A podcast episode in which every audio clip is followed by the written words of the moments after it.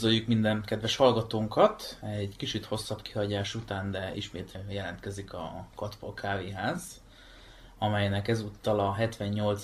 adásán vagyunk itt. Itt vagyok én, Enz, illetve itt van velem Ramieger. Üdvözlök mindenkit!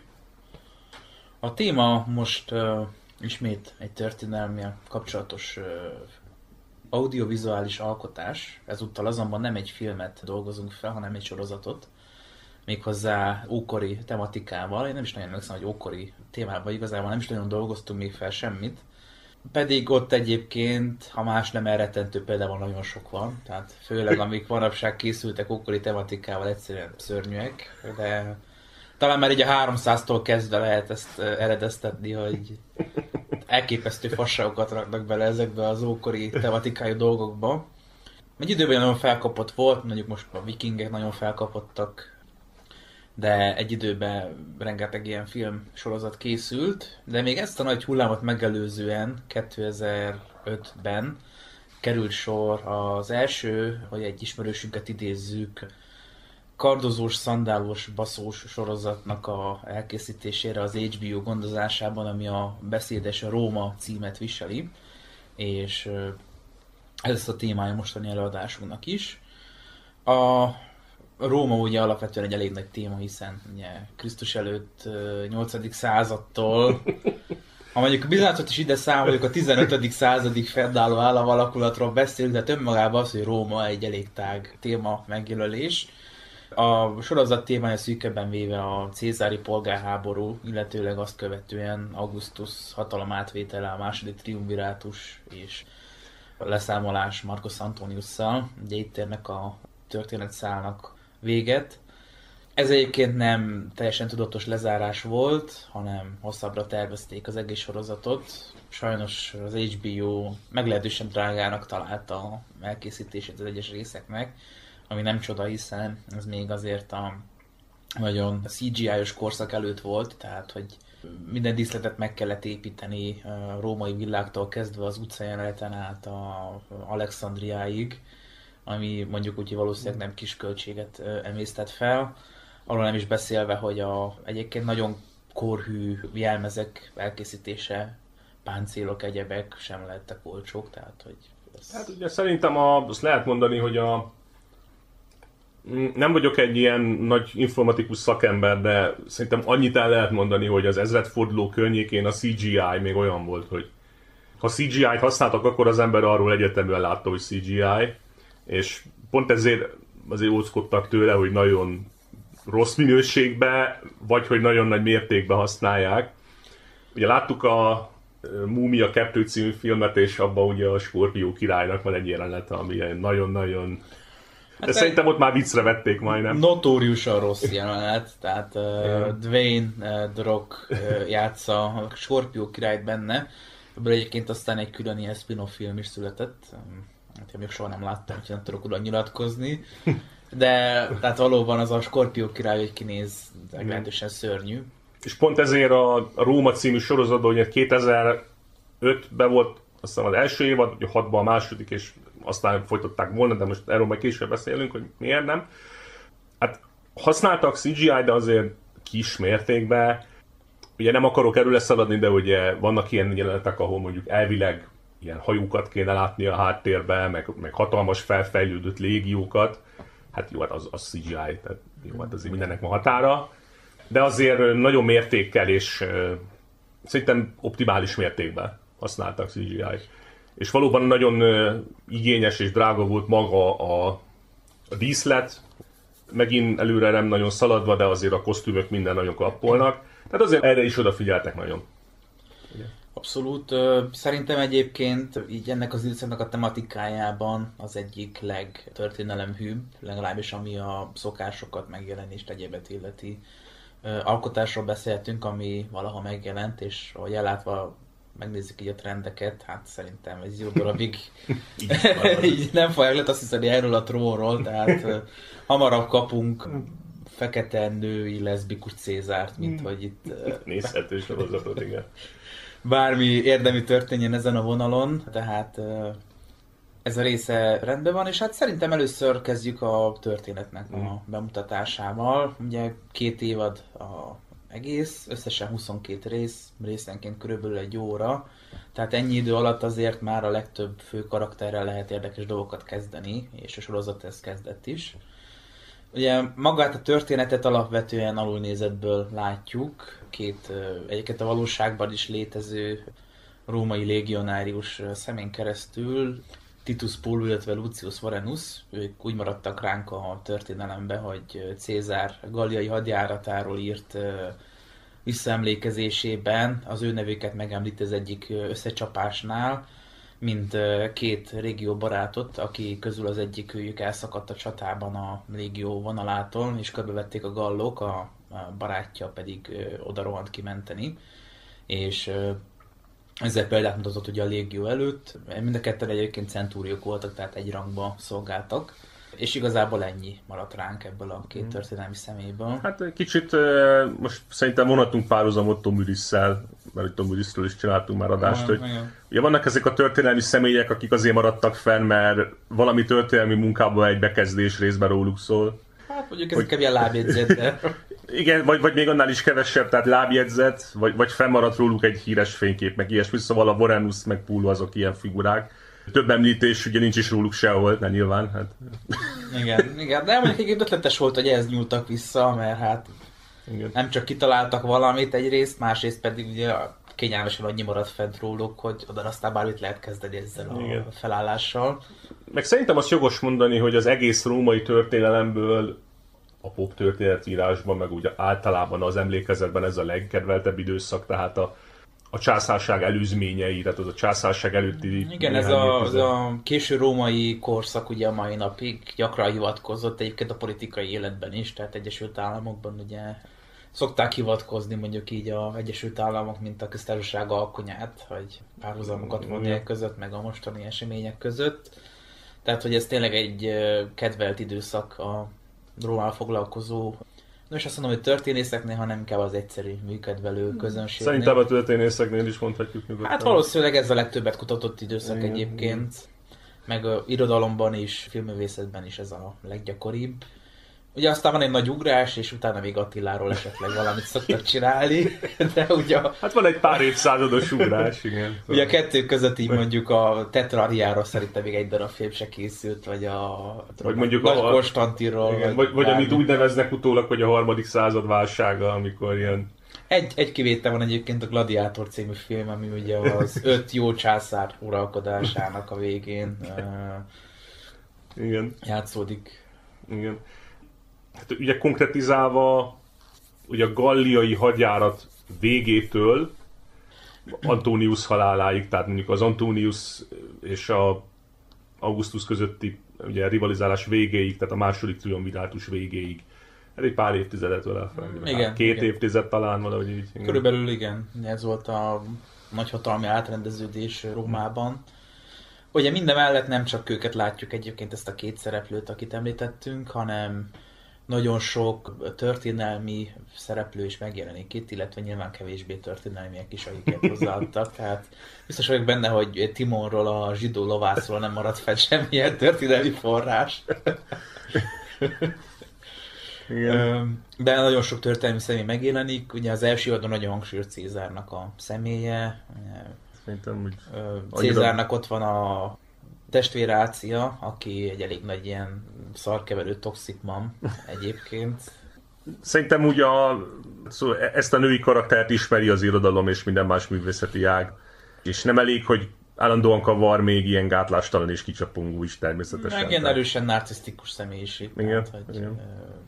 Tényleg az a legrosszabb típusú nő, amit ilyen lehet képzelni, ez a igazi penész kategória. Igen, társadalom penész virága. Igen. Hát ugye végül is egy arisztokrata család, és egyébként ugye, ugye Augustus anyja, ugye Ácia. Igen. És e, egyébként a sorozat elején Augustus ilyen, nem tudom, tizenvalány éves, vagy nem ilyesmi. Azt mondom, ilyen 14-15 körül lehet hmm. akkor. Igen. Tehát igen, maga Octavianus Augustus is uh, szerepel benne, akkor szerepel Brutus nyilvánvalóan, Brutus anyja, Servilia, aki ugye Cézárnak a szeretője volt. Mm. Egyébként egy utólag ez a te is fiam Brutus idézetet egy kicsit érdekes kontextusba helyezi.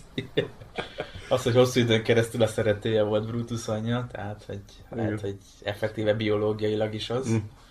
Ugye Pompeius sokat szerepel, Cicero. Cicero is, igen, igen. akkor...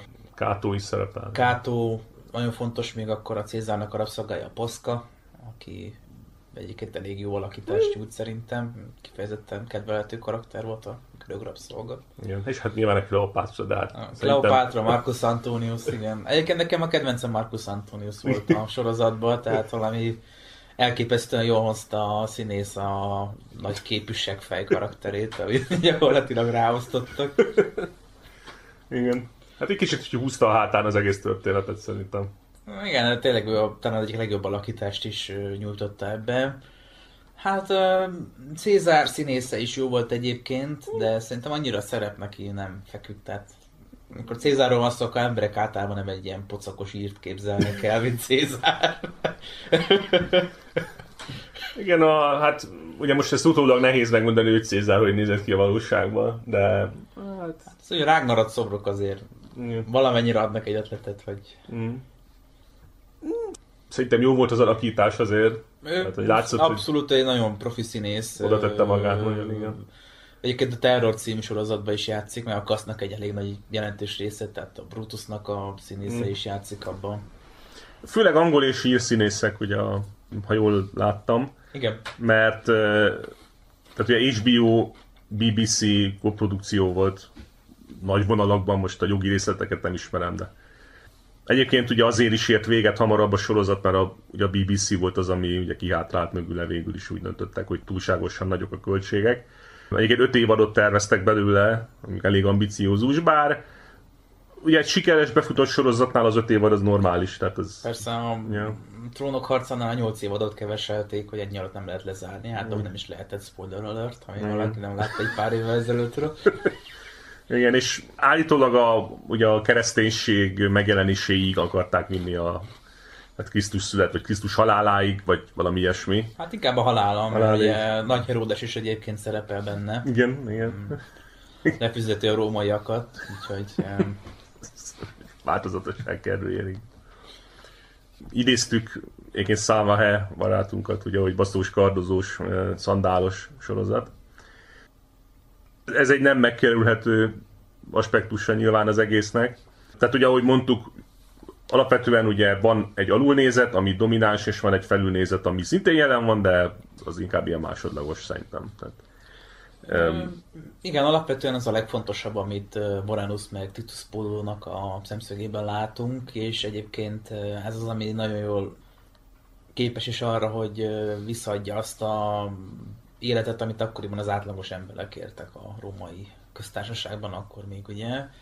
Tehát tényleg nagyon ügyeltek arra, hogy a szokások megfelelően megjelenjenek benne, a, hmm. a különféle hajviseletek, hajviselet, ruhaviselet. ruhaviselet minden, az, azok lappolnak, amennyire meg tudtam ítélni, szóval. Igen, hát egy-két olyan dolog van, ami kicsit modernizálva lett benne, például a drogfogyasztás. Ugye. Nyilván megjelenik, mint a dekadens Rómának a drogfogyasztása, amikor állandóan cannabis szívnak. Ugye hát a probléma az, hogy a európai kendert ezt nem lehetett elszívni, mert nagyon, nagyon rossz minőségű volt, és nagyon kevés volt benne a bódító tartalom. Úgyhogy a európai kendert általában ilyen galacsinként összegyúrva ették, és nem szívták, hát nem sok bódulat lett volna abban, hogy szívják hát, ezt a... Közép-Ázsiában volt olyan kender, ami igen, az meg kicsit messze volt onnan, igen. Igen, igen. úgyhogy ezt csak enni tudták, tehát ilyen, ilyen drogszívás nem volt. Az ópium az nem tudom mennyire reális benne, bár mondjuk ópium nyilván létezett akkor is, de már hol, ott hol volt ott mág, de, szóval... De azt se szívták egyébként, tehát hogy Kínából egyébként elég nagy hagyománya van az ópiumfogyasztásnak, ott is csak ilyen ópiumgolyókat nyeltek le. Mm. Ez a szívás ilyen 19. századi dolog, hogy megjelentek hozzá szükséges eszközök. Igen. De hát, ugye ettől függetlenül Kleopátra is ott vígan pipázik. Ja, tehát ja, így, igen. Hát jó. Most... Ja, kicsit be, be magát ott Kleopátra. Én úgy tennék összehasonlítást, hogy A Spartacus című sorozatot én nem láttam, mert úgy nem érdekelt. Nem néztem meg a... Nem hagyták ki. Igen, nem, nem néztem meg a trónok harcát sem, mert olyan szinten az se érdekelt, de mind a két sorozatról azt a kritikát hallottam, hogy Régebben ugye a szexet meg az erőszakot olyan öncélú módon ábrázolja, tehát hogy a történet szempontjából a nagyon fontos jelentősége nincs, hogy most hány ditkót mutatnak, meg hogy hogy kínoznak, meg mit tudom én. Tehát ilyen, kicsit ilyen topzódó jellegű mind a kettő. Na most a Róma című sorozatban ezt úgy nem tapasztaltam, tehát én úgy látom, hogy ha van szex, akkor annak van egy funkciója a történetben, tehát hogy később is jelentősége lesz, meg akkor is jelentősége van hogy a kínzásnak is, a gyilkosságnak mind-mind, ami történik, és sok történik, ugye a történet szempontjából mind marha fontos, mert ugye döntő. Igen, egyébként ami ebből a szempontból nekem nagyon tetszett, van egy ilyen meglehetősen jelentétlennek tűnő szál, hogy ugye Varanus ott katonáskodott 8 évig Galliába, visszatér, és van ott egy két éves gyerek. És így, oh shit.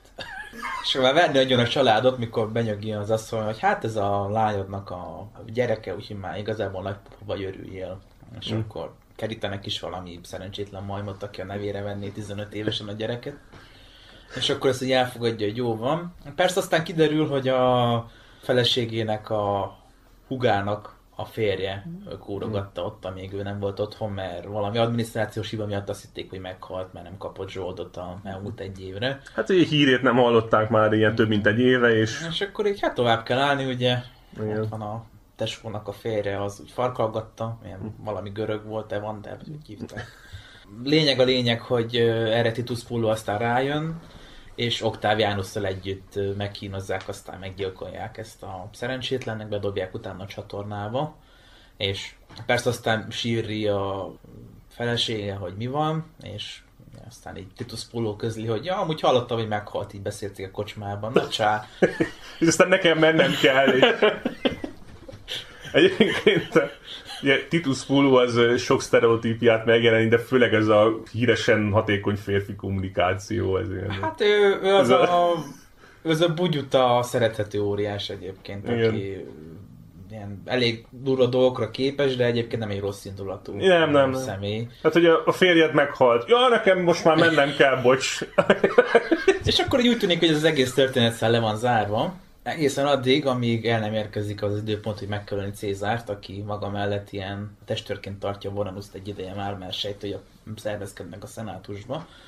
És egy tök másik történet száron keresztül Brutus anyja megtudta azt, hogy ez az egész sztori volt a Vorenus meg a felesége között, amire Vorenus nem tud.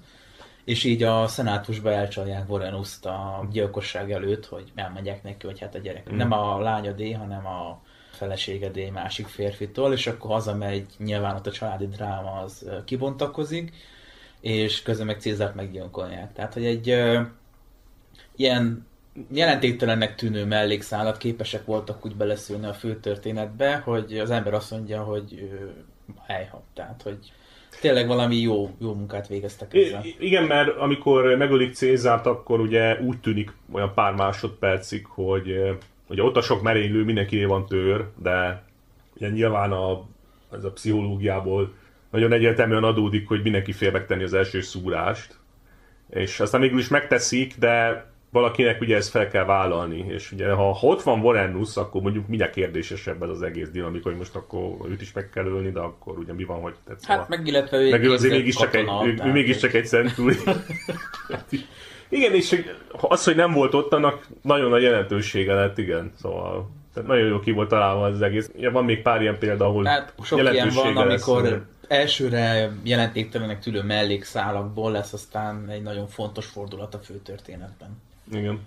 És szerintem ezeket nagyon jól építik egymásra. Nyilván ugye a két évaddal kapcsolatban az eh, mindenképp egy picit eh, elvesz a realitás értékéből, hogy annyi minden történik ezzel a két szerencsétlen, a Titus Pullóval, meg a Moranusszal, hogy ennyi valószínűleg öt életidőtartam alatt nem történt egy átlagos rómaival, visszatérnek a katonáskodásból, aztán megint visszamennek katonának, mert becsődöl a biznisz ötlet, és utána elmennek Alexandriába, megmentik Kleopátrát, és aztán visszatérnek, és, és aztán, aztán a szövetségnek a élére kerülnek, egyesületnek az élére. És akkor Valenus még egyszer És vissza... még egyszer visszamennek Egyiptomba, tehát hogy Igen, azért a, az átlag centúrió élete nem volt ilyen kalandos. Igen, igen. Tehát az egy picit uh, nyilván ez elvesz a realitás értékében ennek az egész történetnek, de egyébként uh, magán az így történetvezetése meg annak a módjára nem lehet sok panasz. Igen. Szerintem beszéljünk akkor a két centúrióról már effektíve főszereplők, amúgy beszélünk. Hát igen, ők azok, akik az egészet igazából egybe tartják. Igen. Hát ugye Pullo az igazából, ahogy mondtad, ilyen sztereotipikus katona, tehát közrendű ember volt, ilyen rabszolga volt az anyja, hiszem a történet szerint. Az elején nem derül ki, csak később ugye katonáskodni kezd, és akkor hát ilyen szokásos És dolgai vannak. jó, hogy ö, amikor ez kiderül, ez nem ilyen infodump, tehát hogy így csak így elmondja for the sake of it, hanem csak itt tök véletlenül szóba kerül, és így tesz egy olyan utalást arra, hogy hát nekem az anyám még rabszolga volt, Mm. mm. hát, hogy én már itt római polgár vagyok, és milyen jó nekem. Igen, és ugye a feleségnek kinézett felszabadított rabszolgának mondja el. Igen, És hát nyilván a kontextusból ez úgy adódik, hogy annak ott helye van, tehát annak ott indoka van. Igen. És hát ugye ilyen szokásos dolgai vannak, hogy kockázik, meg ugye Kurvázik, jár, ja. meg iszik, tehát mondjuk ezek ilyen szokásos dolgok. De ugye annak ellenére, hogy ilyen nem mindig gondolja végig, mit csinál, meg ugye ilyen hirtelen haragú Ilyen azért. hirtelen arra. De azért végső soron egy tisztességes ember, tehát így van egy értékrendje, amit úgy komolyan vesz, hogy tartja a szavát, meg ilyesmi, és ez spoiler lehet, de végül is túléli az egész sorozatot egyébként. Bár az ember nem gondolná, hogy ja, a életviteléből adódóan. És még egy fia is lesz. Igen, igen. Az meg ugye ilyen pepitálva, tehát biológiai, csak nem tudja a gyerek, vagy legalábbis ugye nem tudja senki. A sorozat végén mondja el neki effektíven. igen, az az egész sorozat utolsó jelenete. Igen. Nem, És, nem tudom, hogy spoilerezzünk el, hogy ki az, egyébként egy történelmi szereplőről van szó, de... Majd kicsit később szerintem. És mert ugye a, az anyáról még lesz szó. Igen. És hát Vorenus pedig szerintem szintén egy ilyen artipus, aki már nem akar katonáskodni, és ugye már unja az egészet, és Érdekes a kettők dinamikája, mert a Vorenus ő teljes ellentét a Pullónak, tehát ez a szigorú, kimért ember, kőkemény elvek alapján éli a milletét, ugye nagy köztársaságpárti, annak ellenére, hogy ő plebejusként nem sokat élvezett a köztársaság előnyeiből, mint a szenátorok. hát az összes férfi felmenője nyilván katona volt, ez ugye evidens volt. Igen, és ö, ő rajta keresztül a katona életnek egy másik aspektusát láthatjuk, nem a kicsapongó pullót, hanem azt, aki hazatér 8 év katonáskodás után egy olyan feleséghez, akit még utoljára több 18 évesen ismert és vett el, és így ülnek az asztalnál néván, és néznek egymásra, hogy akkor most mi jön. Igen, és akkor elsúsztod az ebédet, meg ilyen. Ilyen, tényleg ilyen szövegeket tol az elején. Igen, de aztán ugye ő is mondja, hogy hát ugye 13 éves voltál, mikor elvettelek, és együtt voltunk pár hónapig, én leléptem, és azóta nem láttál, mert én azóta katonáskodok. Tehát, Aha, igen. Szóval, ami mondjuk Rómában teljesen bevett dolog volt. Tehát. Hát igen, azért ott egy Hát ilyen 14 8 éves hadjáratra elmenni, az nem számított egy Igen. nagyon meglepő dolognak. Hát meg az, hogy ilyen 13-15 éves korban férjezották a lányokat, az is teljesen megszokott volt, szóval. Tehát. És hát ugye van ez a nyilván már 5 milliószor hallott, meglátott történet, hogy ugye elege van belőle. Ugye nem, nem is kéne tovább szolgálnia, tehát nem fel is mondhatna meg, leszolgálta már az éveit. És akkor próbálna civilként élni, és szépen éldegélni ottan, a, ahol van. De hát, ez megint spoiler, de hát ez nem, nem megy. Ezekben az időkben nem megy, amikor újra és újra a katonaságra szükség van, akkor ez nem Igen, járható. ez az állandósult polgárháborúknak a kora. Már ugye csak emlegetik benne a Máriuszt és a Szullát, de ugye ott kezdődött ez az egész még egy jó pár évvel ezelőtt, amikor ugye, a Szulla, mint a Optimata pártnak a vezetője először visszatért, és szépen mindenkit halogra gyilkoltatott. Ezek a prostitúcióknak ö, nevezték ezeket, amikor hát azt írták, hogy kit lehet legálisan meggyilkolni és kirabolni. Hát ez olyan nem is kitagadás a legjobb szó, de nem mindegy szóval valami ilyesmi. Tehát, hogy Hát ma ilyen hát kitagad, a, kitagad a köztársaság, és meg lehet ölni. Igen, meg el lehet venni a Ilyen vagyonodat. halállistának, vagy ilyen Halállista, igen. igen. Ja, igen. Tehát, hogy effektíve felkerült a, Felkerült a. Nautilusra, és akkor... Igen. És akkor ugye onnan kezdődött aztán az, hogy a Populares párt, meg akik olyan nevéből is ered ez a néppárti vonal, aminek Cézár is a képviselője volt, pedig ugye ez ellen harcolt, tehát ugye ez a két nagy oldal volt az elit, illetve a hmm. egyszerű emberek képviselői. Hát most igazából mit lehet, azt lehet mondani, hogy ugye a, a létező hatalmi struktúrái a köztársaságnak azok egyre kevésbé voltak működésképesek, tehát a, a teljesen megváltozó körülmények között. Hát ugye e, igazából a minden körülmény a központosítás felé tolta az államot. Tehát a terjeszkedés, ugye az a hadsereg, meg ugye minden. Tehát. Igen, hát ha megnézzük Róma harmadik punháború után gyakorlatilag így néhány évtized alatt az egész mediterránumot a ellenőrzés alá vonta, és arra kell gondolni, hogy Galliától, Hispánián át, Afrikán keresztül, Egyiptomig, meg keleten, Kis-Ázsiáig, meg ugye Makedónia, Görögország. Gyakorlatilag. Többször azt a területét néhány évtized alatt, és, és, és ezt kellett volna valahogy, ezt a területet kellett volna valahogy kormányozni effektíven. Ugye egy olyan struktúra mellett kellett volna kormányozni, amit egy városállamra találtak ki, mert ugye úgy működött igen, évszázadokig, szóval ugye addig még úgy jó volt ez a dolog, de... Igen, hát még mondjuk így Itália meg Szicília volt, addig úgy elműködött a helyzet, de hát csak Cézár egymaga meg többszörözte Róma területét, amikor elfoglalta az egész Galliát. Igen. És aztán még ugye volt Germánia, Észak-Gallia, Anglia, most az már igen, hát, hát igen, meg, itt egyébként nagyjából már elérte azt a kiterjedést Róma, amit a mm. későbbiekben tartani fog, még voltak kisebb-nagyobb hódítások, ugye Augustus alatt majd nem sikerült Germániát is elfoglalni, Quintus Varus, meg a Teutoborgi csata, de mm. Ugye ennek aztán gyorsan vége vett. A lényeg a lényeg, visszatérve a két fő karakterre, hogy a kettőjük dinamikája szerintem mindig nagyon érdekesen alakult. Tehát az elején ugye látjuk ezt a kicsapongó pullót, meg mm. Morenuszt, aki szeretne civilként élni, ugye van családja, gyerekei, mm. milyen idilli helyzetben lenne egyébként ehhez, csak nem, nem jön össze, mert hogy ő sem tud elszakadni már a katonai élettől ennyi év után. Érdekesen van ebből több jelenet, itt egyébként visszatérek megint arra, hogy ilyen melléksztorik, aztán, hogy átvágnak a fősztoriba. Ugye egy hentes üzletet vezet a utcán, és hát ilyen helyi banditák itt elkezdik egymást verni, meg az egyik le akarja vágni a másiknak az orrát, ő meg oda megy és elküld őket a fenébe, hogy na hentes boltom előtt csináljátok, mm. megontjátok az üzletet.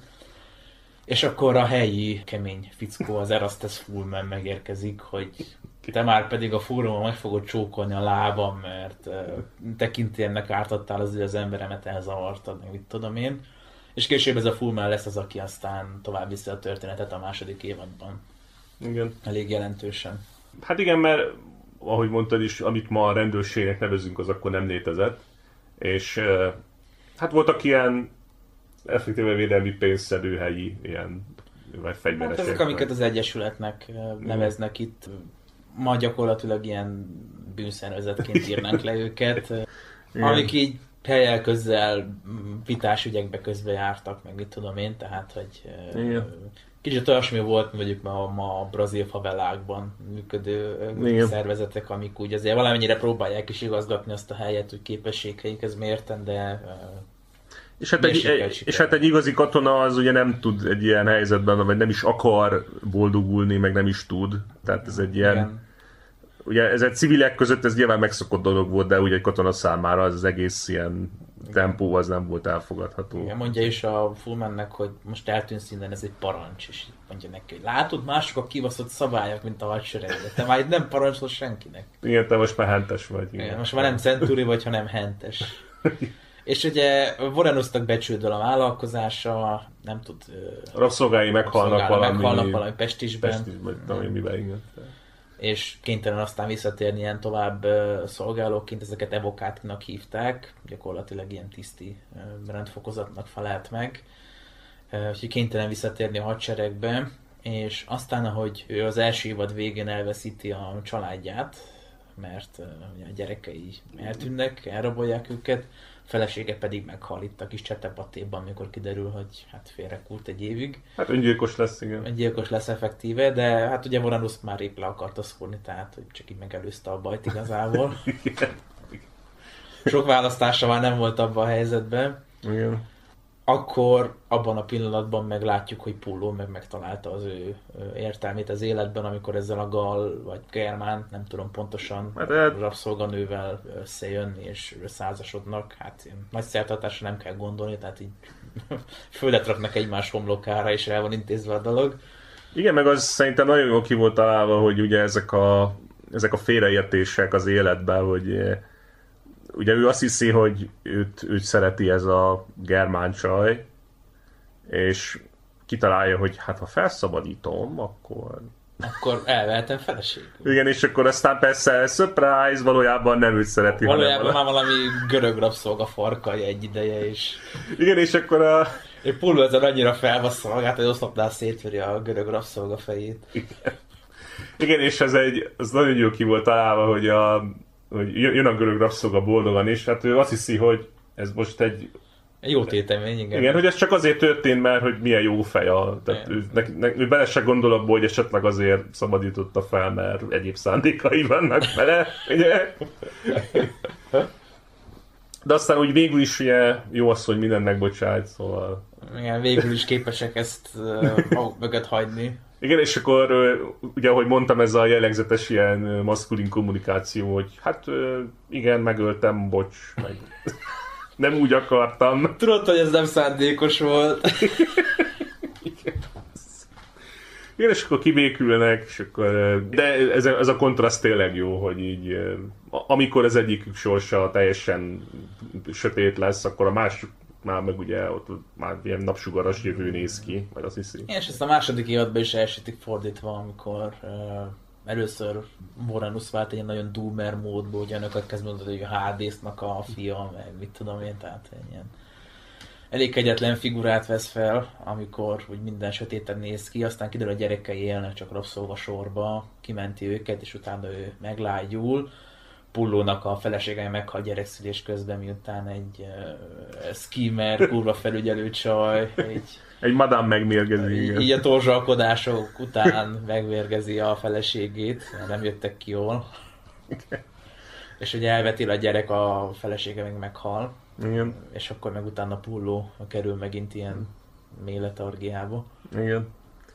Tehát ezek ilyen nagyon jó ki vannak találva, tehát ilyen nem, nincs ilyen a sorozatban, hogy valaki mondjuk ilyen tök, tök értelmetlen, meg érthetetlen módon gonosz, vagy jó, vagy ilyen, tök, tehát ilyen követhetetlen dolgokat csinál, tehát ilyen nem nagyon van.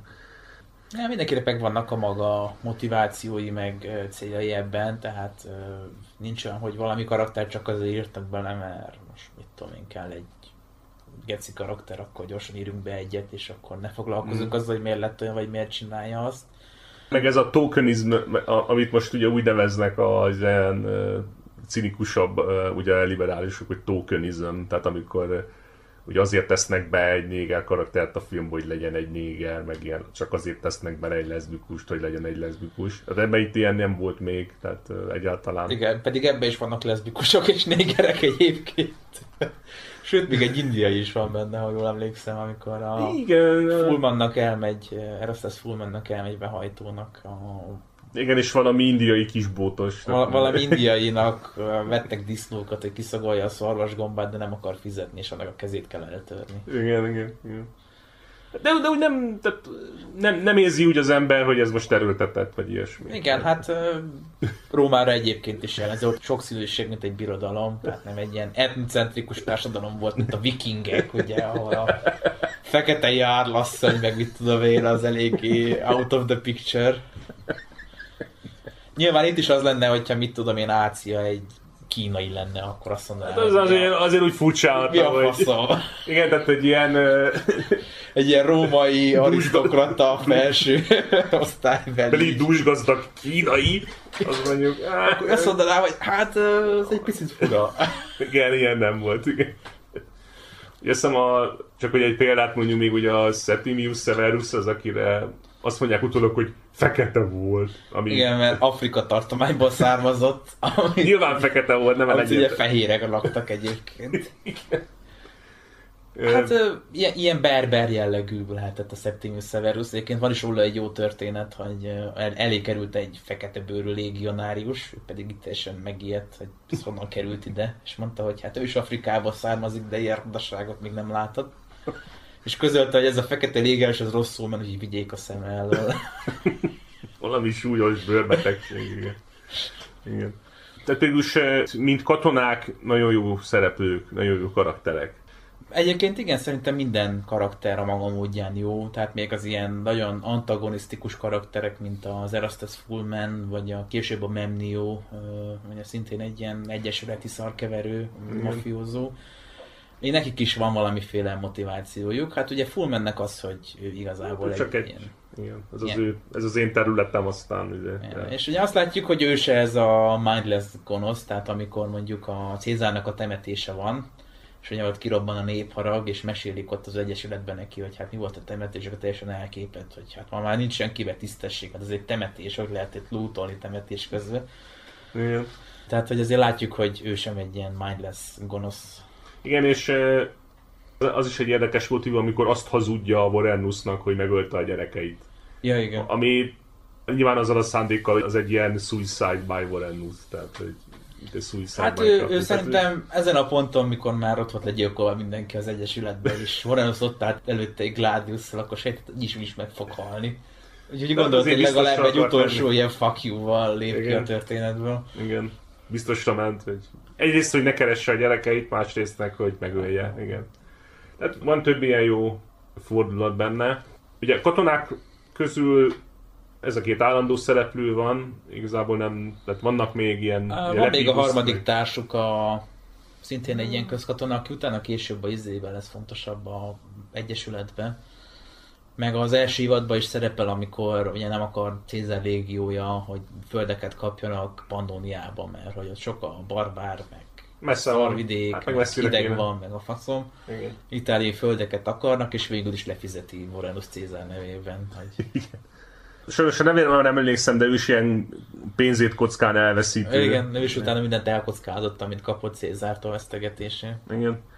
Ugye még a felső vezetésből ugye látjuk sokat Lepiduszt, meg eh, hát ugye Pompeius már mondtuk, tehát hogy mondjuk a történetnek egy azt nem mondom, hogy az időben a többsége, de egy nagy szelete az, az igen katonai életről szól igazából, most azt mondhatjuk, tehát hogy milyen egy légió belülről, meg az mit csinál, meg ilyesmi, tehát így. És ezt a részét egyébként szerintem elég jól be is mutatták. Minden mellett nyilván hangsúlyos a politika is, mert hát ebben az időszakban a politikai szarkeverés az biztos, hogy meg fog jelenni.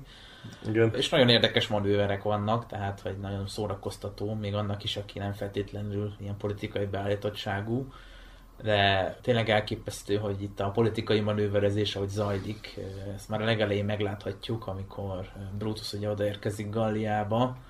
Ugye az Itáliához legközelebbi Gallia Cisalpinában van akkor Cézárnak a tábora, és hát várják, hogy visszatérjen. Épp van egy balhéja a szenátussal, hogy engedély nélkül háborúzott, amiként igaz is. Technikailag igaza volt a szenátusnak, mert A- Ami igaz is, mert ugye Cézár 8 évvel korábban arra kapott felhatalmazást, hogy valami szomszédos, velük szövetséges gal törzset megvédjen, amiből az lett, hogy meghódította egész Galliát. Tehát mondjuk, hogy egy picit túlterjeszkedett a mandátumán, enyhén. igen. És ugye volt ez a balhé, ő meg addig nyilván ugye lett volna hazaküldeni a katonáit, és hát hogy közli vele mellékesen, hogy ja, hát sajnos ellopták a sast, a, amit ugye egyébként Pompeius emberek követett el, és hogy a légiók lázadoznak, hát Brutus, hát nem látom, hogy lázadoznának, ó, hát nyíltan nem merik, te hidd el nekem, hogy lázadoznak, és aztán kiderült, hogy az egészet csak azért kellett, mert tudták, hogy Brutus, amilyen hülye úgyis elmondja Pompeiusnak, és akkor Pompeius ugye elégedetten dörzsöli a tőnyerét, majd, hogy és jól kibasztam a Cézárral. Közben meg így le se szarják egyébként a sast, mert hogy kit érdekel. Igen, mert a... Ilyen, ilyen token erőfeszítés van, hogy kerestetjük, de igazából. Hát igen, ez a minden hadseregben ismert ez a dolog, amikor ilyen lehetetlen parancsot ki kell osztani valakire, mert a politika megkívánja azt, akkor találni kell valami balegot, akit most ugye el lehet ezzel temetni ezzel a feladattal. Úgyhogy...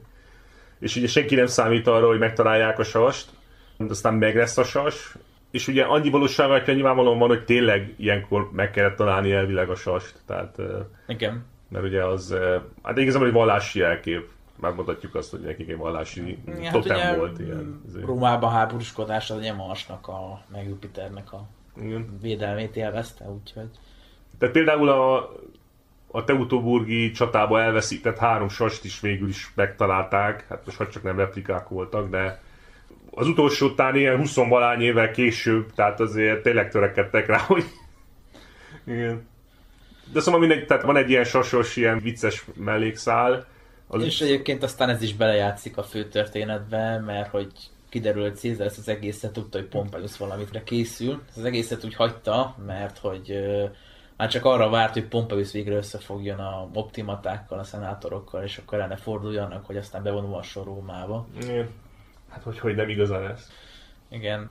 És egyébként nem menjünk el amellett, hogy milyen elképesztően jó párbeszédnek vannak benne, tehát manapság ennek a tizedét se tudják megírni. Nem. nem tudom, hogy nem tudnak ilyen párbeszédeket írni, tehát kinevezteti Marcus Antonius néptribunusnak. Egyik legfontosabb politikai tisztség volt a konzul után, ugye, mert hát a néptribunus az a szenátusba vétót emelhetett, mint a Mm. nép képviselője, és effektíve ez mondjuk ma egy ilyen nagyon erős köztársasági elnöknek a jogosítványa, hogy Mm. bármit visszadobhat. És akkor Antonius elmegy tárgyalni Kátóval, meg Pompeiusszal, és hát így mondják neki, hogy hát Cézárnak egy légiója van csak most, ami fegyverben áll, a többi ott van az Alpok túloldalán, nem tud átjönni, mert Hideg van. hideg van, meg hó elzárja az utat, és akkor mondja nekik ö, Marcus Antonius, hogy hát, jön a tavasz, elolvad a hó, és Kátói rögtön veri az asztalt, hogy mi van, fenyegetsz minket a saját házunkban, és mondja erre Marcus Antonius ártatlan arccal, hogy hát a hó az mindig elolvad. Nagyon jó, Meg még egy jó volt, amikor említettem, hogy lefizetik ezt a légionárius társukat, hogy el. beszél rá társakat, hogy fogadják el a pannói földeket, mert vagy azt kapnak, vagy semmit. Mm. És valami tízezer dinárban megegyeznek, és megy utána Vorenus lejelenteni, mint jó katona, hogy hát megvesztegettem őt, tízezer dénárba került, és erre mondja Marcus Antonius, hogy mi? Ez a hülye eladta magát tízezer dénárért. Mostantól mindenkit Vorenusszal kéne lefizettetni. Igen, egyébként ugye sok filmben, meg sorozatban tapasztalni ezt, hogy olyan bugyuták a párbeszédek, tehát ilyen, ilyen életidegenek, vagy nem is tudom, de itt, itt abszolút nincs Igen, ilyen. hát ugye az a baj, egyre inkább látszik itt ezekben, hogy tehát ezeket a, a valamivel régebbi történeteket még olyan emberek kínzek nagy élettapasztalatuk volt, tehát ha mondjuk mit tudom én. De biztos így van a Róma esetében is, nem tudom ki írta ezeket, de... Én se, de mondjuk írókra gondolsz például Tolkien, aki túlélte a világháborút, mit tudom én, tehát hogy van tapasztalat emberi kapcsolatokról, nem az a fajta hollywoodi valamilyen jó családba született, ezért beajánlották oda, és akkor azóta bedolgozik, de hogy életében nem hagyta el Hollywoodot. Igen. Tehát, hogy ezek az emberek nyilván nem tudnak jól emberi kapcsolatokról, meg párbeszédekről írni, amikor az életben Nem ismerik ezeket, igen. nem volt ezekkel dolguk. Igen. Szerintem beszéljünk az arisztokratákról, mert Jó. azért vannak egy páran is fontos szereplők. Hát ugye Áciáról már röviden beszéltünk, hát nem is tudom, érdemes sokkal többet mondani, mert ez, ez most Hát, ilyen... Tehát, egyébként most, talán abból a szempontból érdemes kiemelni, hogy csinálja a szokásos női szarkeveréseit, tehát Szerviliát ki nem állhatja, és akkor van köztük egy állandó rivalizálás, és hogy ez milyen mértékben hajtja előre a történetet. igen. igen. Tehát egy olyan dolog, hogy Cézár ugye bevonul Rómába, miután Pompeiuszék leléptek, és ugye berendezi az uradalmat, készül arra, hogy na majd akkor délre megyünk és leverik Pompeiuszékat, de újra összejön a Szerviliával, és hát ott kúrogatja nagyban a színfalak mögött, és csak nem akaródzik neki délre menni, mert hát ugye kényelmes a régi szerető mellett, és akkor Ácia felfirkáltatja a falakra, hogy Cézár kúrja a Szerviliát. Rómában egyébként ezek az obszén falfirkák elég gyakoriak voltak, tehát Pompejben lehet olvasni, hogy miket találtak meg. Azt mondjuk úgy, hogy ma néhány Twitter poszt elbújhatna azok mellett, amit a falakra felfirkáltak akkoriban. Vagy Hadrianus fala, azt is telefirkálták, Ja, igen. A hatalmas faloszokkal a őrségszállását, meg a őrposztokat. Igen.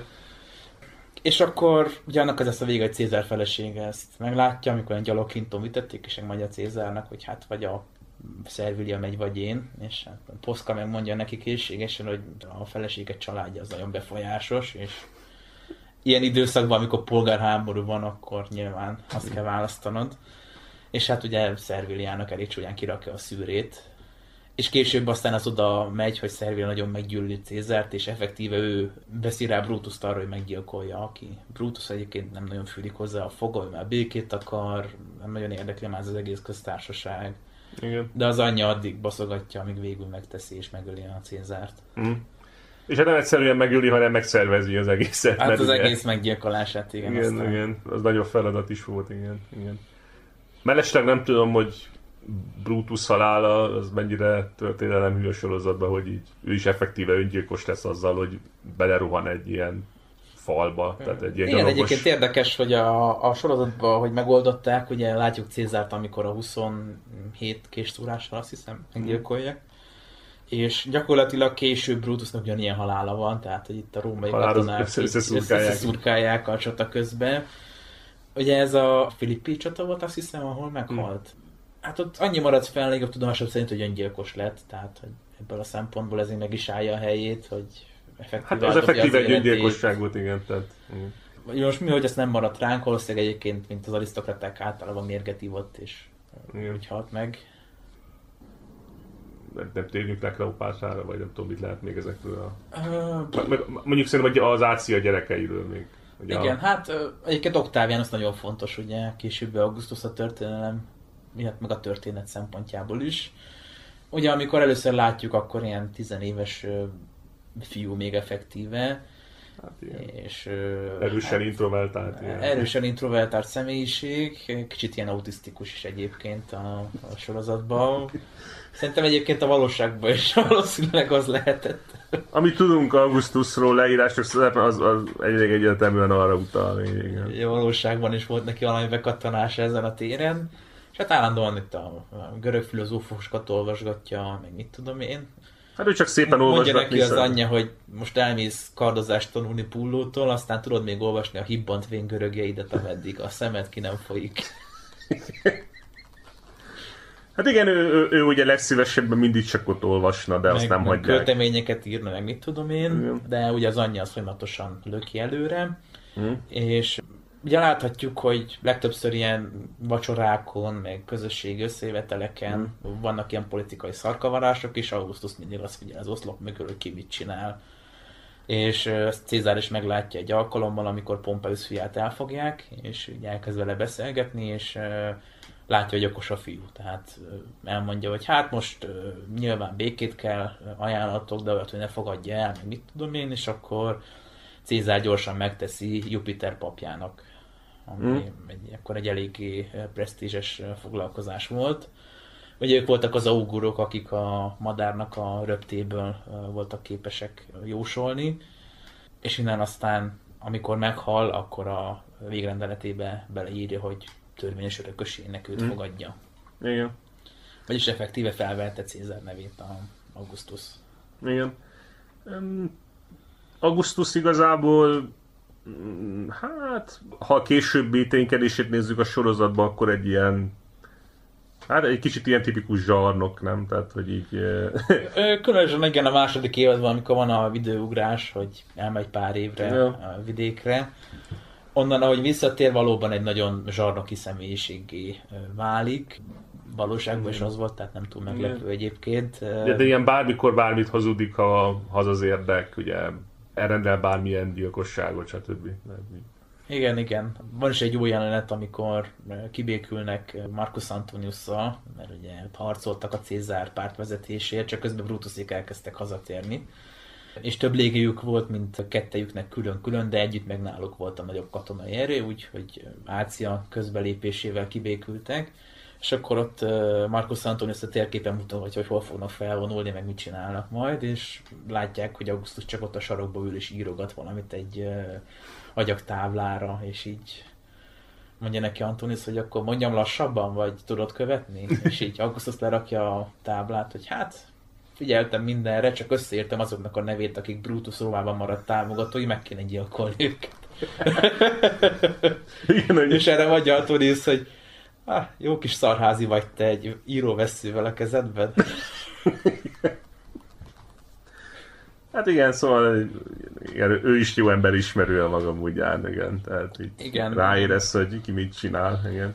Olvastam még talán History magazinban pár éve egy jó írást, ami egy Augustusnak a megítéléséről szól, és hát abban a szerző, hogy igazából úgy érvelt, hogy Augustus egy véreskezű zsarnok volt, amikor ugye hatalmat megragadta. Csak azért emlékszünk rá ilyen békeszerető Rómát mm. építő, meg tudom, milyen emberként, hogy elég sokáig élt ahhoz, hogy elfelejtsék az emberek, hogy mit csinált az uralma elején, amikor mindenkit halomra gyilkoltatott.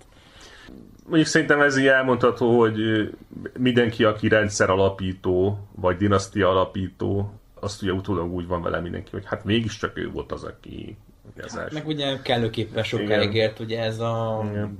hívhatnánk Ferenc Jóska effektusnak is, amikor 49-re kivégeztette a szabadságharc vezetőjét, aztán meg a millennium ünneplésén 1896-ban meg ő volt itt a szeretett Ferenc Jóska apánk. Igen, és hát mindenki úgy van, az a jó fejöreg volt. rendben mentek a dolgok még akkor, akkor még ugye nem nyomkodták a telefont, igen. És hát Augustus, mint első császár nyilván ugye, hát most ugye úgy tekintjük, hogy... És ugye a, a császárságnak a megítélése azért nem negatív, szerintem azt lehet mondani. Tehát késői császárságnak igen, de...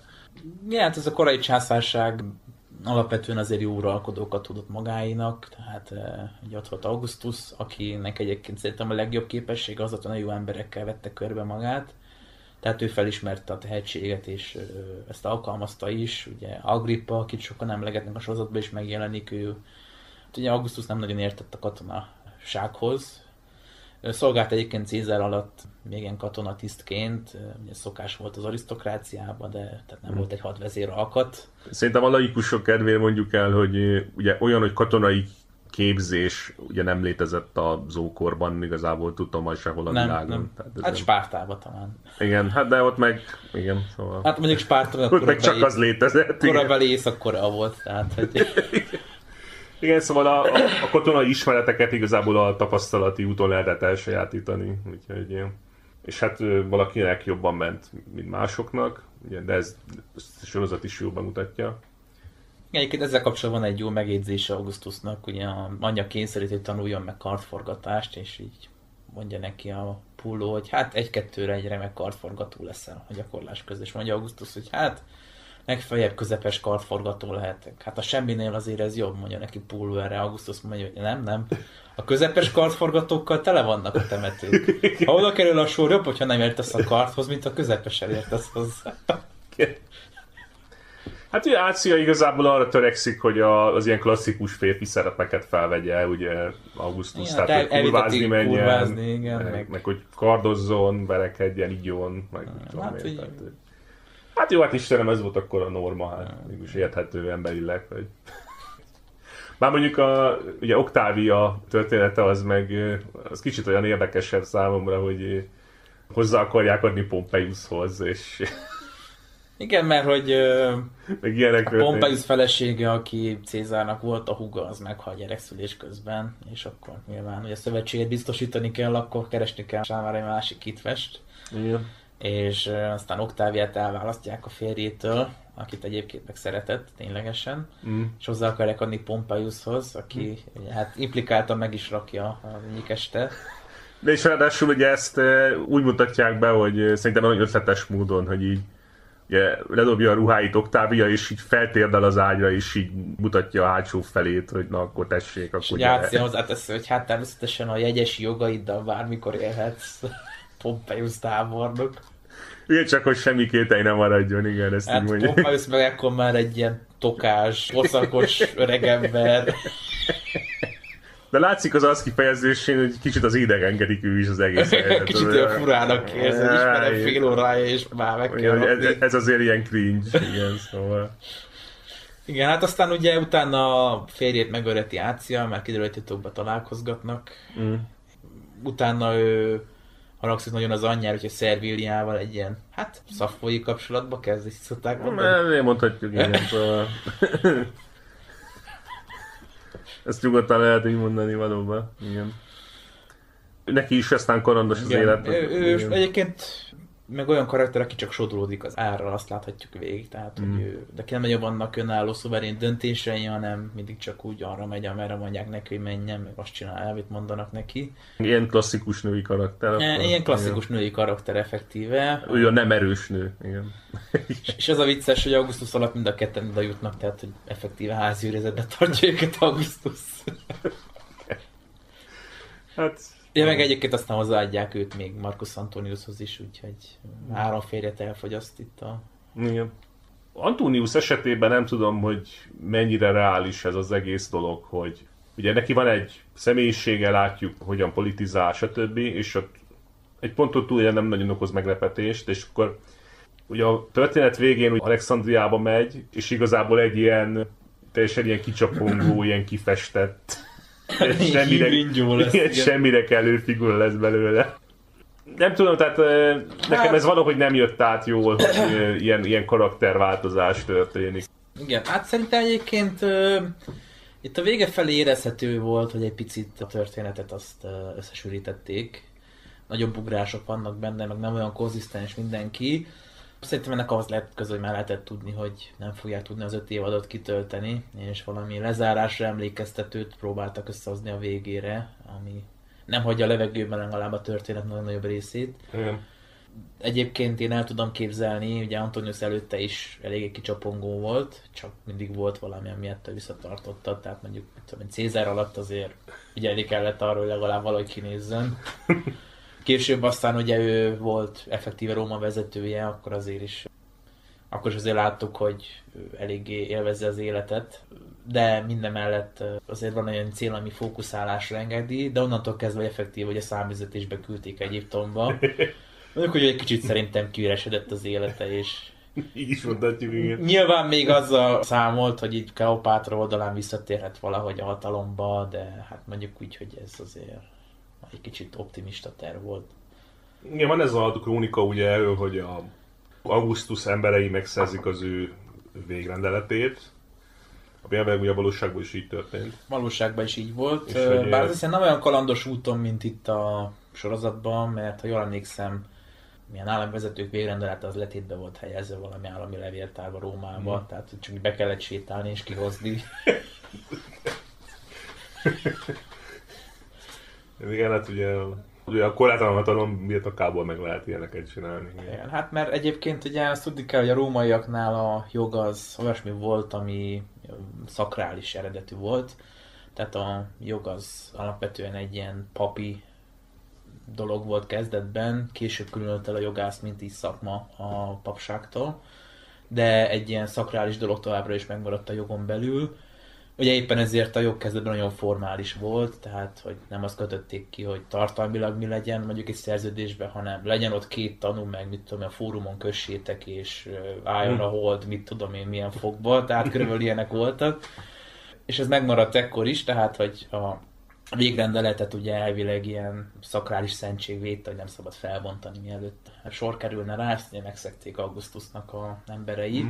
És felbontották ezt a végrendeletet, amiben ugye az állt, hogy Cezariont, aki Cézár és Kleopátra közös gyereke. Illetve a sorozatban Pulló és Kleopátra biológiai gyermeke. Igen. De Cézár a nevére vette, úgyhogy... Nekik adták a birodalomnak a nyugati felét és Rómát, a keleti felét pedig ugye Kleopátra és Antonius uralták volna. Ami ugye szintén nagy vétségnek számított Rómába, hogy Antonius elhagyta a római vallást, és helyette a egyiptomi vallást kezdte el követni Ugye a hát kereszt... Úgy, meg hát ilyen területeket úgy felosztogatni, elosztogatni, ezt úgy nem lehetett csak úgy a... igen, igen.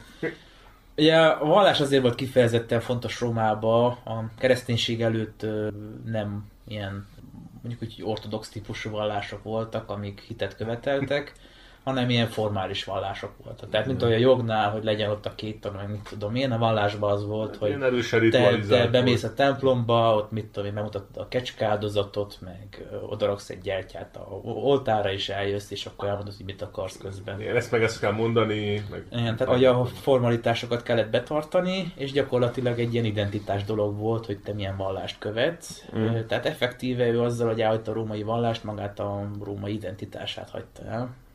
Hát valaki olyan, aki bejelentkezett Róma vezetőjének abban az esetében, még nem voltak korabeli liberálisok, ahol ez kifejezetten elvárás lett volna, hogy valaki tagadja meg mindent abból a népből, amit uralni akar. Így aztán hát sajnos nem volt túl népszerű ezzel a döntésével. Igen.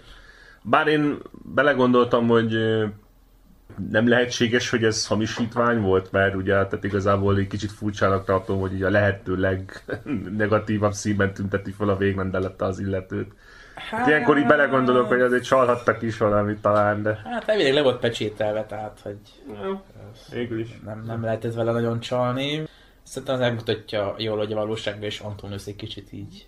Igen, így beleszállt a dolgokba. Ilyen ease delusional kategóriába került. Tehát...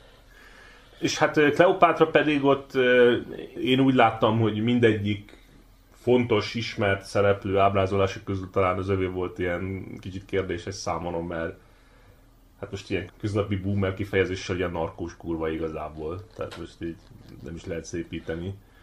Ilyen abszolút ilyen kicsapongó, ilyen semmivel se foglalkozó, ilyen léha.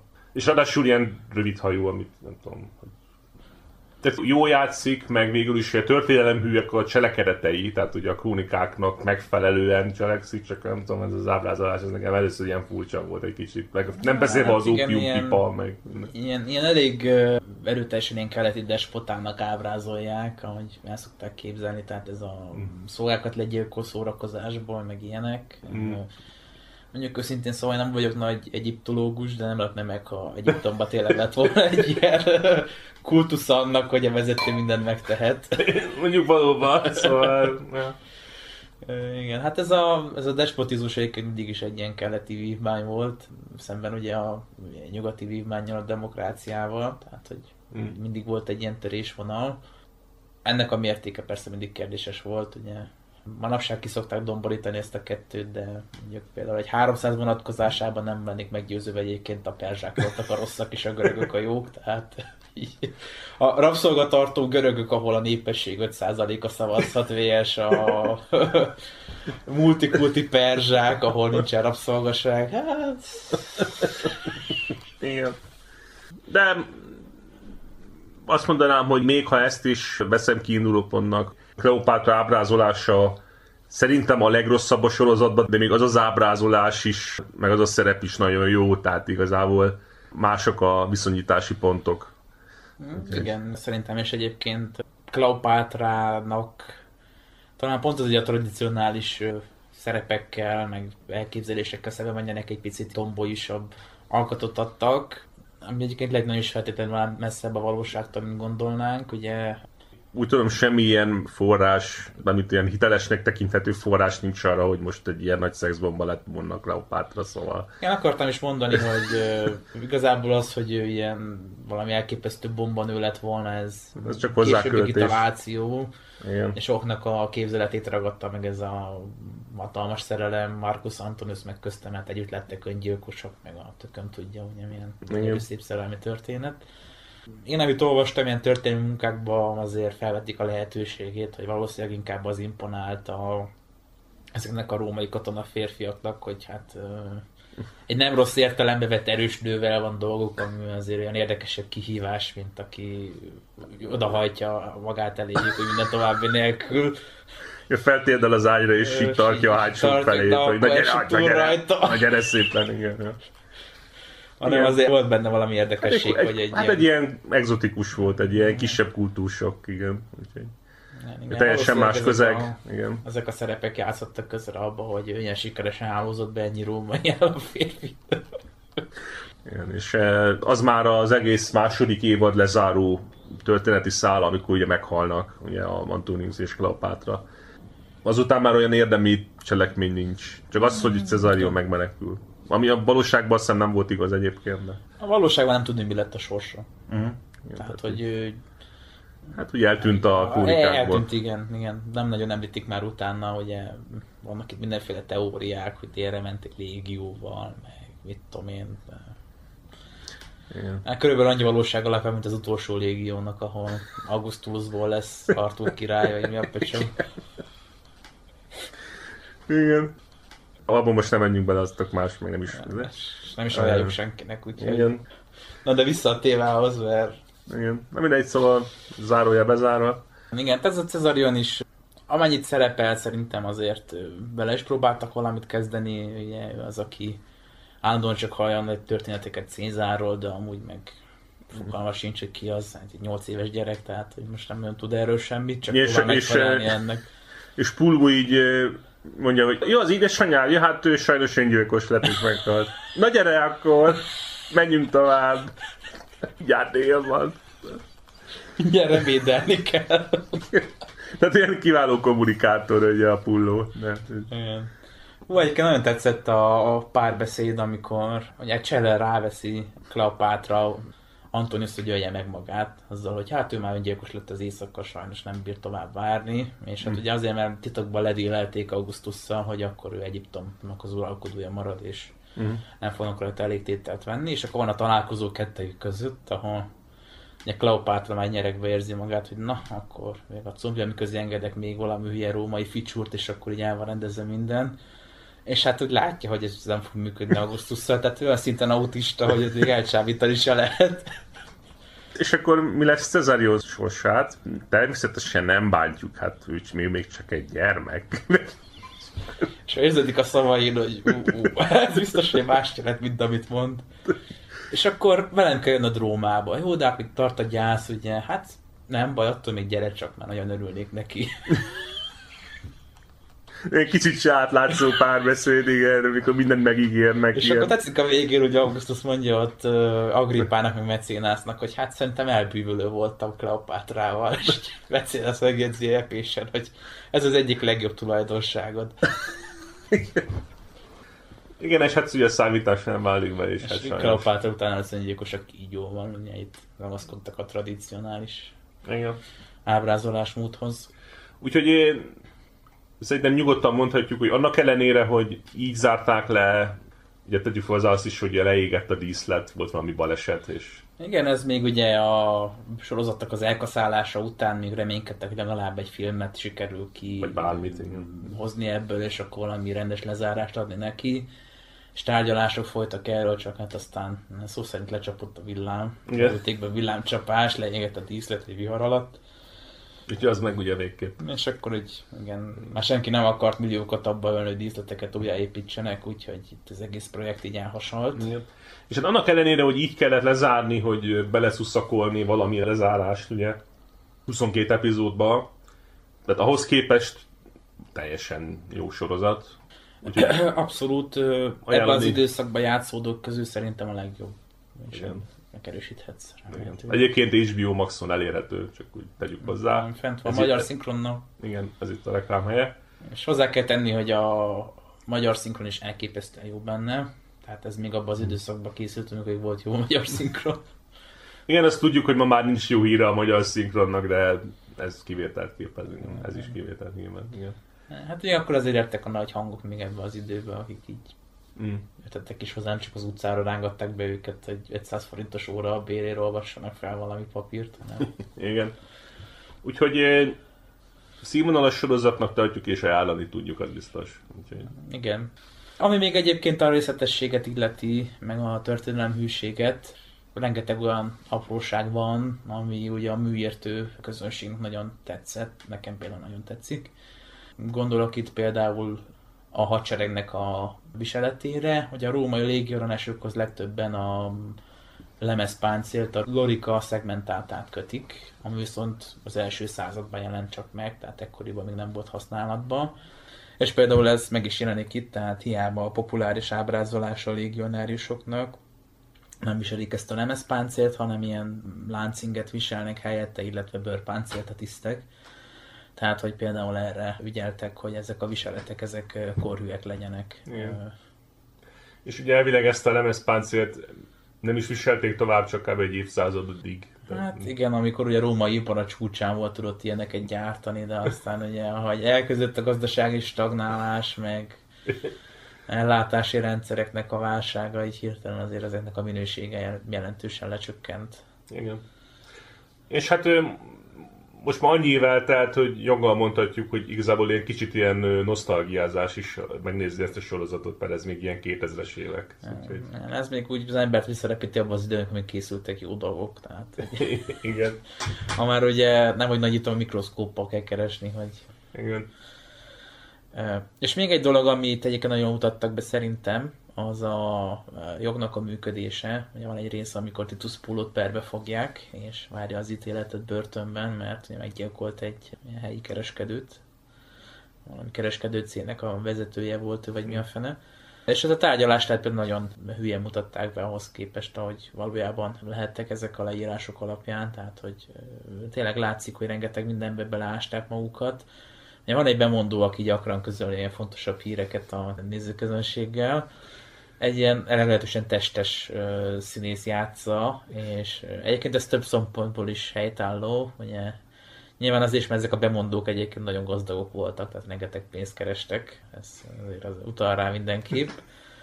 Ez a bemondónak a színész egyébként a Harkonnen Bárót is játszott az egyik ilyen BBC dűne feldolgozásban, ami testhez álló szerep. Vagy hogy más nem mondjak, például a, van az Összeesküvés című, nem annyira ismert angol tévéfilm, ami a Wannsee konferenciát dolgozza fel, tehát ilyen holokauszt film igazából, és abban is egy fontos szerepet játszik a fickó. Amúgy. És amikor gesztikulál bemondás közben, az teljes egészében olyan, mint ahogy akkoriban a ilyen tankönyvekben ezt megírták a retorikával kapcsolatban, hogyan kell ezeket a kézmozdulatokat alkalmazni. Tehát tényleg látszik hogy rengeteg mindenbe. Van egy rész, amikor Pulónak a fejét betörik, és a koponyáját kell műteni, és egy olyasmi berendezést alkalmaznak, ami így akkoriban már létezhetett, mm. és az orvosi eljárás is nagyjából megfelel a kor kívánalmainak. Ilyen lékelés, ja. Tehát, hogy tényleg rengeteg olyan minden megjelenik a sorozatban, amik apróságok, de nagyon alaposan utána néztek annak, ami a témáról szól. Ugye manapság nem lehet elvárni, tehát hogy csinálnak egy filmet a vikingekről, és ilyen full cosplay cuccba öltöztetik őket, ilyen test fantasy felszerelés, mert ott jól néz ki, nem? De közel nincs az, amit a vikingek viseltek, tehát a vikingek címsorozatot meg lehet nézni. De ez egy teljes cosplay fesztivál van, hát a vikingek kirögtek valahogy egy ember így megjelenik előttük, mint amit ezek viseltek. A fegyverek is passzolnak, ugye. Ilyen nagy csatajelenetek nincsenek nagyon, de igazából nem is baj, mert a csatajelenetekről nekem az a véleményem, hogy vagy ilyen CGI orgia, vagy pedig nagyon nem járul hozzá szerintem a művészi élmény. Tehát a... Igen, ez tényleg inkább milyen látványorgia lehetett volna. Ugye a Filippi csata az, ami viszonylag megjelenik, és ez a leggyengébben sikerült része sorozatnak, mert csak így ilyen két nagy tömeg úgy pöföli egymást, mindenféle fantázia nélkül. Igen. Hát nyilván a derékhadnak mindig az volt a szerepe, hogy tartsák a vonalat, és közben a szárnyakon eldolgosott a sorsa, de mm. ettől azért flexibilisebb volt a manipuluszi rendszer, tehát nem vetlenül tudták ők a falangszokat legyőzni. Ja. Csak hogy most ugorjak egyet az időbe, például egyszer emlegettem azt a Felszabadítás című, elég béna, nagyon-nagyon hosszú szovjet háborús film, tehát ugye három részbe adták le, vagy más tagolás szerint öt részbe adták le annak idején a tévébe, és akkor ott is az van, hogy tehát ilyen negyed órákig azt látod egy ilyen helikopter felvett jelenetben, hogy így a rengeteg harckocsi vonul, azt így verik fel a port. De most egyrészt ez két perc után unalmas, és semmi szerepe nincs a filmben amúgy. Tehát most a tömeget bemutatja, és hogy most elmondhatják hát magukról, hogy jaj, de egy nagy jelenetet vettünk föl. Most ilyen, ilyen lenyűgözőnek gondolták. Hát, Igen, szóval. A mozódás a tömegjelenetek, ez ilyen már Riefenstahnnál is megjelent. Igen, szóval én nem, ezeket nem tartom fontosnak egy, egy filmnél, vagy egy sorozatán, nem attól lesz jó, hogy most marha sokan vannak ott, szóval.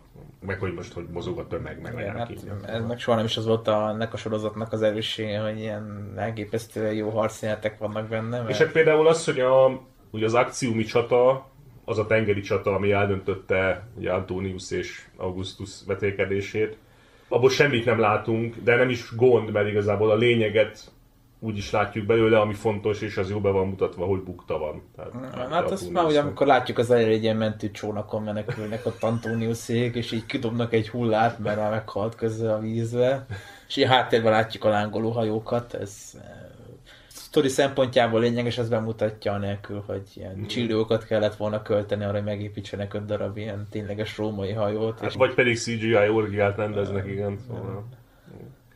Úgyhogy ezt szerintem jól megoldották. Tehát az a szerencsétlen megoldás, amit már láttunk például abban a szamurájos sorozatban, vagy ma még több ilyen történelmi sorozat, hogy ilyen középutat akarnak választani, és mondjuk be akarnak mutatni valami marha jelentős csatát úgy, hogy ilyen 15 fickó egymás fölé. És ugyanazok a statiszták vannak. Jól foglalkoztatott szamurájak voltak a korukban, minden hadurnál megfordultak. Igen, szóval, e, szóval ezt is jól oldották meg, úgyhogy szerintem ennyit akartunk elmondani erről a sorozatról. Igen, aki még esetleg eddig nem látta volna, és nagyon nagy hiba lenne, azt mindenképp javasoljuk, hogy nézze meg. Igen. Ez tényleg sokszor mondjuk ez már kicsit el is cséped, de ilyen letűnt kornak a maradványa ez még, amikor Igen. még készültek jó sorozatok is. Igen. Aki esetleg ilyen boomer lelkületű és nagyon idegenkedik az ilyen streamer szolgáltatásoktól, azoknak meg annyit tudok mondani, hogy egyébként az HBO-n állandóan ismétlik. Nem csodálom. Csak meg kell nézni a műsorúságot, amikor megjelenik. Biztos szívják a fogukat, hogy annak idején miért nem csináltak ebből több évadot, de Igen. hát ez van. Hát, sajnos. Úgyhogy... Ami történt, megtörtént. Úgyhogy ennyi fért mai adásunkba. Köszönjük a figyelmet, és akkor a legközelebbi viszonthallásra. Viszonthallásra.